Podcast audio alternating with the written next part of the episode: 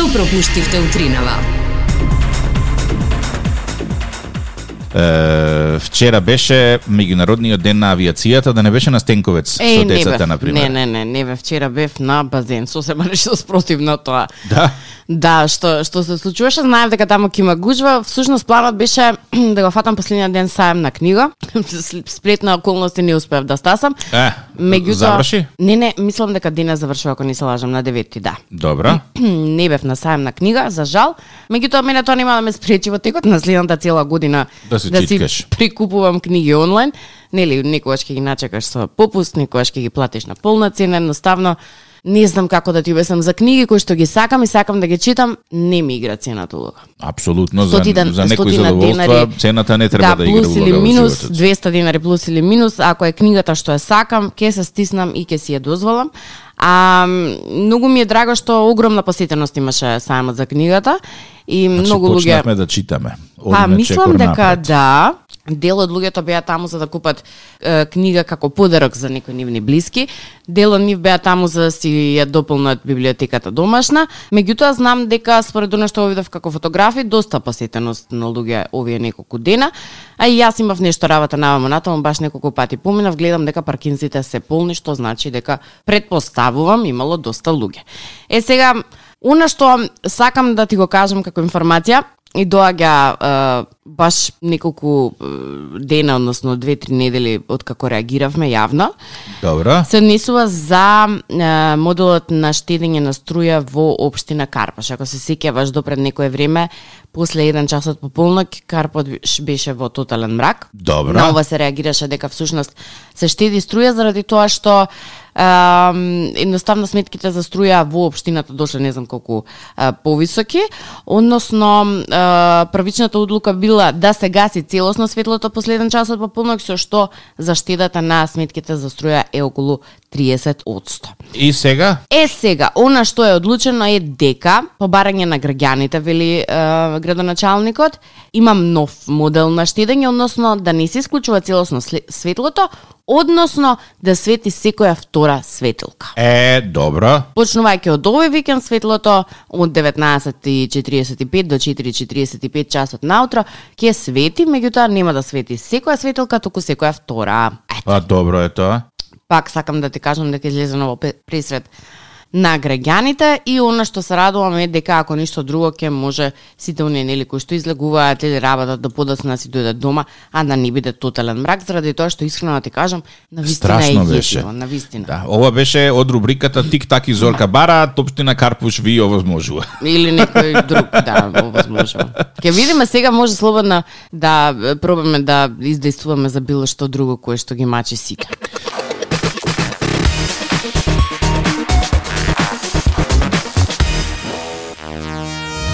Добро утро, меѓу другото, вчера Зорке и Скопски 10K ран се случуваше.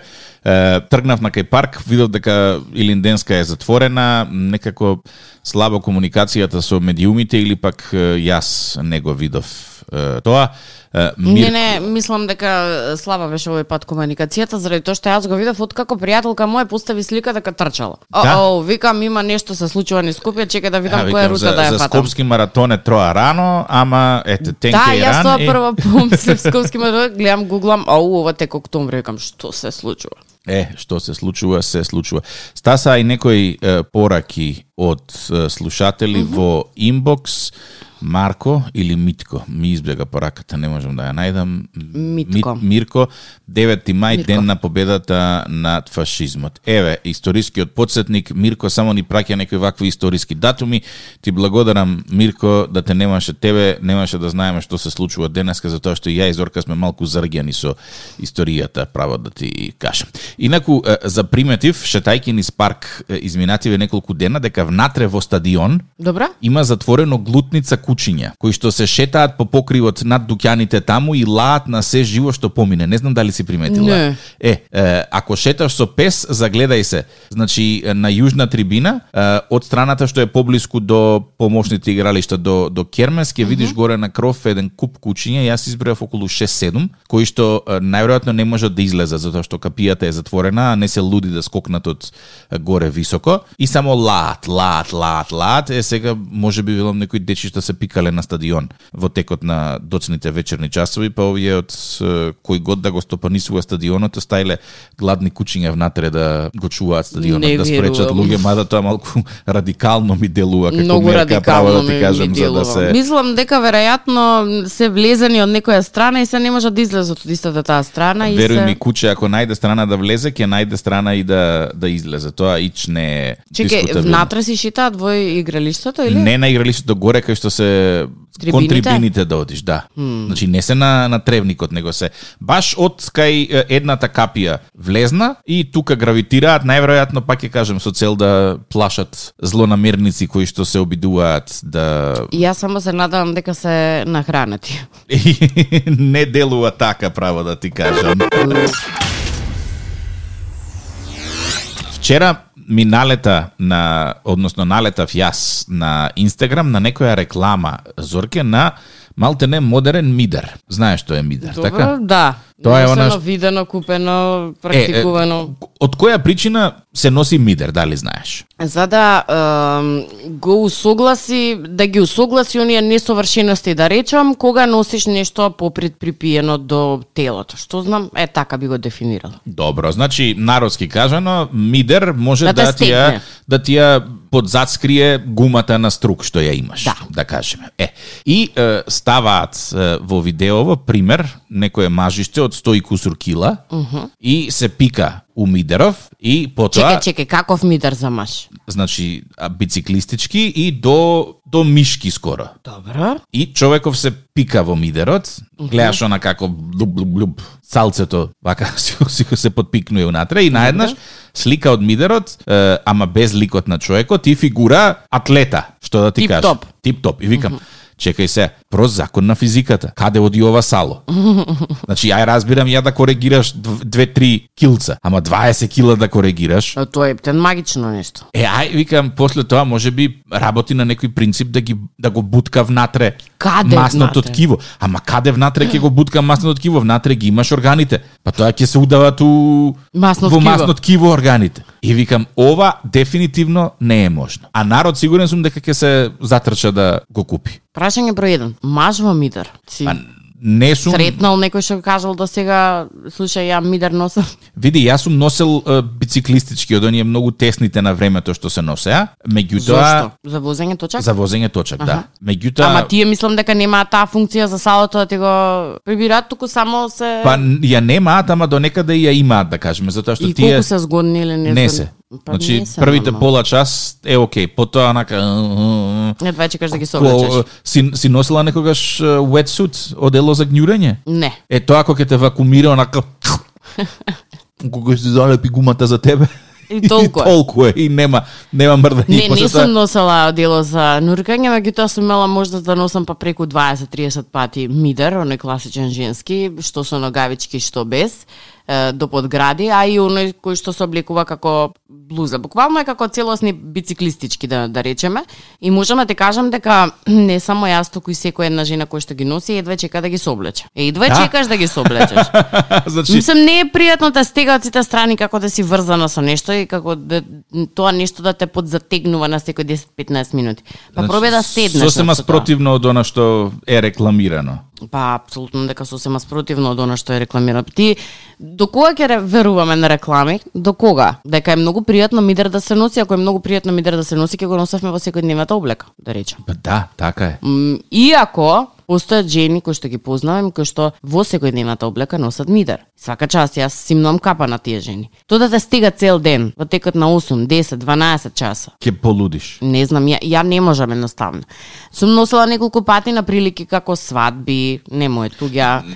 Не, види, поентата ми е друго. Ја разбирам да го носиш и да коригираш малку. Меѓутоа, некој со мој габарит да го направиш во тело вретено, со помош на мидер, не. Ја мислам дека нема друга опција освен да ти го облечеме тоа. И да видиме дали стварно функционира тело вретено. Сакаш експеримент? Па сега треба да го Купи нарачаме ми, го, сигурно. купи ми го мидерот и еве, ќе ти дозволам да ме снимаш. Од стапала до врат.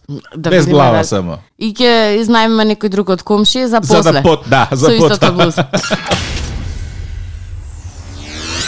денешниот ден ќе влезе во историјата на македонското истражувачко новинарство затоа што порталите конечно успеа да дадат издржан, научно поддржан одговор на прашањето кое што го мачи секој македонец. Така, јас го најдов ова на минимум два портали, факултети и Слободен печат и ќе го пренесам Што ме во на два целост. портали сигурно е Го има и на повеќе, ама на овие два некако убаво читко ми беше наредено.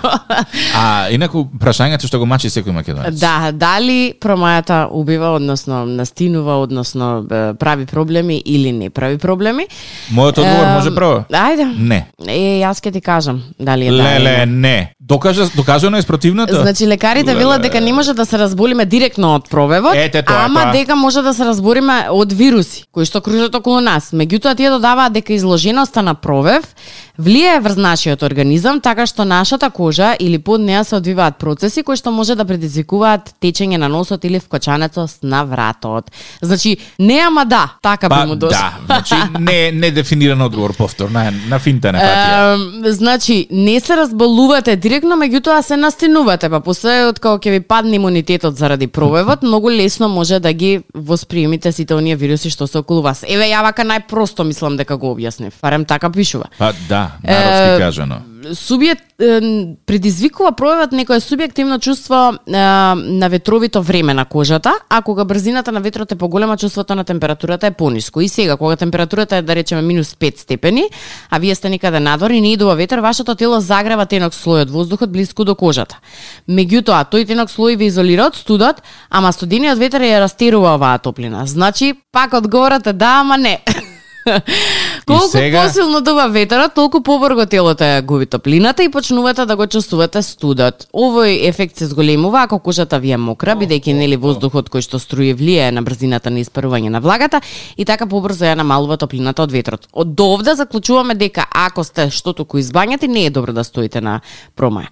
Кога има провев, односно кога телото се лади на ладен воздух, крвните садови се стеснуваат, намалувајќи го протокот на крв за да намалат губење на топлина од топлата крв, тоа може да влијае врз слузницата во носот и во грлото. Значи да, Да. според досега кажаното. А и сега Провевот ги суши, односно ја ослабнува нивната имунолошка одбрана и ве прави почувствителни на вирусите, како што јас и предходно нели кажав. Директно не ве разболува, односно ве поднастинува, да ви падне им, имуниот систем, односно да ви падне имунитетот и после тоа настапуваат на сцена вирусите кои што ги има насекаде околу нас и тие царуваат. Значи тоа се случува во рок од половина час, леле, значи Час? сега лето иде, промаја никако. Тоа Сега- сакаш да ми кажеш? не знам како, еве да, да речеме, земи за пример, сега еве се зголемува температурата, нели? И ти дремеш на семафор со во автомобилот кој што работи и се затоплува и како да не ги отвориш сите прозори да се изладиш. А клима? Што е пострашно сега? Па клима климата мислам дека промаја? е и малку пострашна зашто внатре во себе има разноразни чистички кои што стојат во автомобилот и кои ќе ја пуштиш во тебе да дува, тоа е едно прекрасно изобилство на разноразни бактерии и микроби кои што директно влегуваат во вашиот нос. Леле, многу ме бивај. Добро утро. Добро утро, Повели. убав ден, Фала. Исто и на вас. убав ден. И јас да ви кажам нешто сакам. јас сум не толку многу страшен ловец, колку поќе риболовец. Мгм. Со години одам на лов, значи, меѓутоа, кој ќе одам прачката, многу ретко потребувам, не знам, така за како да фаќам риби. Го земам моторчето, ќе се товарам, две љубенци со мене, Мгм. една кофа, ножот, опремата, музиката, радиото, тутуно, цигарите и избегувам на езеро. Мгм. Слушаш тик-так? Уши сум целиот. Одам сега некаде од, од крајот, значи најмногу на јуни месец Мгм. до октомври сум активен. Скоро секој втор, трет ден. У, браво. Одам горе на езеро, седнувам столчето сплатено со три ноќи, седнувам тука, се распоставувам на средата и уживам. Земам сега љубенците, ножо, сечам љубенци, сечам, сечам, сечам, сечам и знам кајаде, рибата кајади, ќе почнам да фрлам од љубенците во езерото. Фрлај, фрлај, фрлај, долу. И ќе ти дојде инспектор и об загадување на животна средина казна. Не, не, не, не. Фрлај, фрлај, фрлај, фрлај, фрлај, чекаде, значи, љубенци по 10 кила. И сега си чекам, си читам и вестник и радио слушам и последно 40 минути, ете и рибите сами ми дошле искочува, искочува од езерото, од водата, одат насуво. Разбираш? Да. Насуво. Да. Знаеш да. зошто? Не, за лубеницата. Да, да уринира. Е, од многу вода што пиеле. Од дубејцата што јаделе.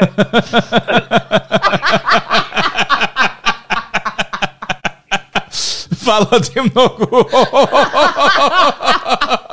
Не очекував ваков крај на прекрасната. насмеа. 8.43. Ова е Радио 2. Добро утро.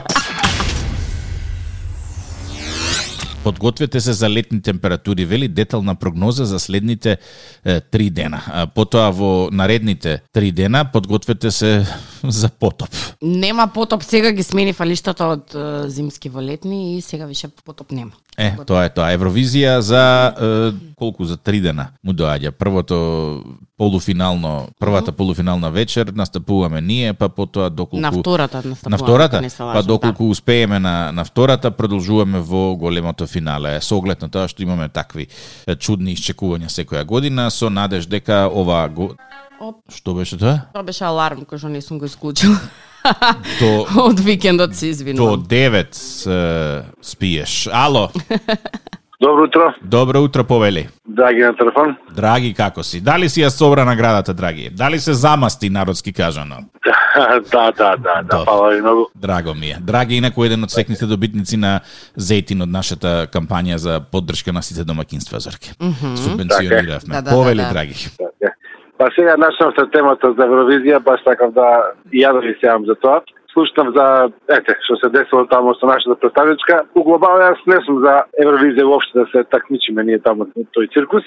Добро, Али, девојчево што направила тако ефекте со знамето, го гледав клипот, добро. Значи, мислам дека е премногу, премногу линчување за девојчево. Значи, целиот настан треба да се гледа од почеток до крај и да се види дека може да беше единствено што се сликаше првенство нашето знаме македонско. Така. Па после тоа кога ги рекле дека треба да го трне, се најде во неколку секунди не знаејќи што да прави, се наведна, клекна и така неколку и во стил го фрли, да кажеме готурно не за неколку метра за менцето, така да не Така треба толку фама да се крева и да се става девојкава на, на ступ на, на срам или да се линчува, па дури да се ваќа назад, мислам да не се такмичи малце Сулудо. да, вред, еди. Ја да, друго па, нешто би, би ги прашал сите оние кои што вчера се фатија на оваа тема. Дали некојаш се провозеле низ било кој град у Македонија и дзирнале у каква состојба се знамиња што висат по ерболит? Да, и тоа е тачно и не само што се веат, да кажеме, такви порталари наши македонски, него има многу места кај што треба да има знамиња, а ги нема. Тоа башка. Така И да, ги ставаат од други држави. тоа добро. А, И тоа едно. држи вода. Друго, друго многу пати за сега на некои, мислам, разни реви и не знам, и боксерски надпревари сме гледале како носат женски, да кажеме, и долен веш од знаме на Америка, од знаме на Англија и горен дел. Ау, тоа да се случи кај нас, па, мислам дека Ето, не. значи, да, да, значи, да, да. не Американците да- се да, посебно да. познати по тоа. Така да, мислам дека девојчето го направил тоа несвесно, не што нешто намерно направи. Јас, ја девојката не знам првпат ја гледам, мислам, не знам ни, ни која е искрено, али како и да е, не треба толку линч за нејзи. Океј, фала ти многу што се јави, драги, убав ден имај и Фала се слушаме наредна исто. прилика. Чао, чао. Така е, поздрав, чао, чао. Најдов уште една друга порака, Зорке, на Инстаграм, поврзано со кучињата од утринава. Вели да ве исправам, е, ова се однесува на кучињата кои што живеат на градски стадион или Добро. околу градски стадион. Е, да ве исправам, кучињата слободно влегуваат и таму живеат создавајки невидена галама. Како вработен во еден стопански објект, добро ми е познато, всушност тие излегуваат и не тероризираат, а неколку колеги веќе се и гризнати од нив. Значи, одма реагирајте, јавете се во лајка, да дојдат, да ги соберат кучињата и да се врати мирот. Секое поминување таму со Пепер кога шетам, мене крв во жили ми се следува Не, ама затоа што тоа ги е- слушам како лаат доста агресивно. Дел, влегувајќи во паркот, каде што најчесто и родители со деца се движат. Е, стига не знам каква е ситуацијата дали некој до сега имал некакво искуство. Меѓутоа чим веќе неколку колеги се нападнати на конкретниот господин, мислам дека има простор да се реагира, односно да се повикаат службите па да се види за што станува збор. Дали навистина сами влегуваат, дали имаат потреба од нешто, зошто се агресивни и така натаму. Од време на време начнуваме нели што е тоа домакинка, мајка, што треба да прави, зошто тоа го прави, како тоа го прави. Mm -hmm. е, минатиов петок ми се чини беше денот на мајката во Америка, она што кај нас е, па не, кај нас е 8 март е денот на жената, ама ние некако го извулгаризиравме празникот па го направивме и денот на мила мамо, ама не е тој тој. Е, така да американците апропо во очи денот на мајката, објави едно истражување кое што покажува дека мајките поминуваат во просек, пази зорке, 97 работни часа неделно во родителство. Па и повеќе. А тука се вклучени различни работи, како што се разнесување деца, готвење, подучување, пресоблекување, пресоблекување, да. заспивање. Тоа значи е две и пол работни места. Ако земеш дека една работна недела е 40, 40 часа. 2000 мајки се испитани со деца на училишна возраст mm -hmm. и е, требале да ги посочат сите улоги кои што ги имаат како мајки. Па тука ти спаѓаат животен тренер, планер за оброци, професионален е, гушкач, навивачка, Гушкач. учителка, терапевт. Значи се она што треба да му Лекар. се понуди лекар. Се она што треба Да, да му се понуди на едно дете. И ако земеш според некоја е, просечна плата во Америка да ставаш цифра на тоа, ќе излезе дека една мајка сработува некаде околу 104.000 долари годишно. Ту, а не се исплатени. Односно се и се исплатени. исплатени по Да. пат на љубов од своето дете. Меѓутоа вака генерално на сметка на конто не нема ништа. Нула, ама и покрај тоа што на сметка на конто има нула, 69% од тие 2000 жени рекле дека доколку можеле би потрошиле повеќе време за грижа на своите деца. Да, затоа што времето лета. А децата растат и никогаш повеќе нема да ти се вратат овие моменти. Овде кај нас на Балканот во меѓувреме се дига джева зошто е, колачите на Краш домачица се ребрендирале во е, програмерка и што Што е важно, друго. господе? мислам. Што сакаат ке си прават со своите производи на крајот на криштот? Така е.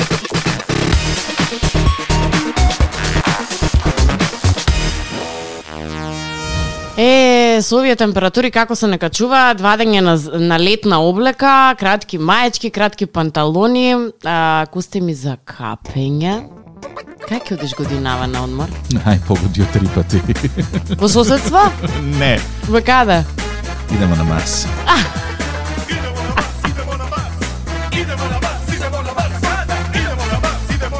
Доста е.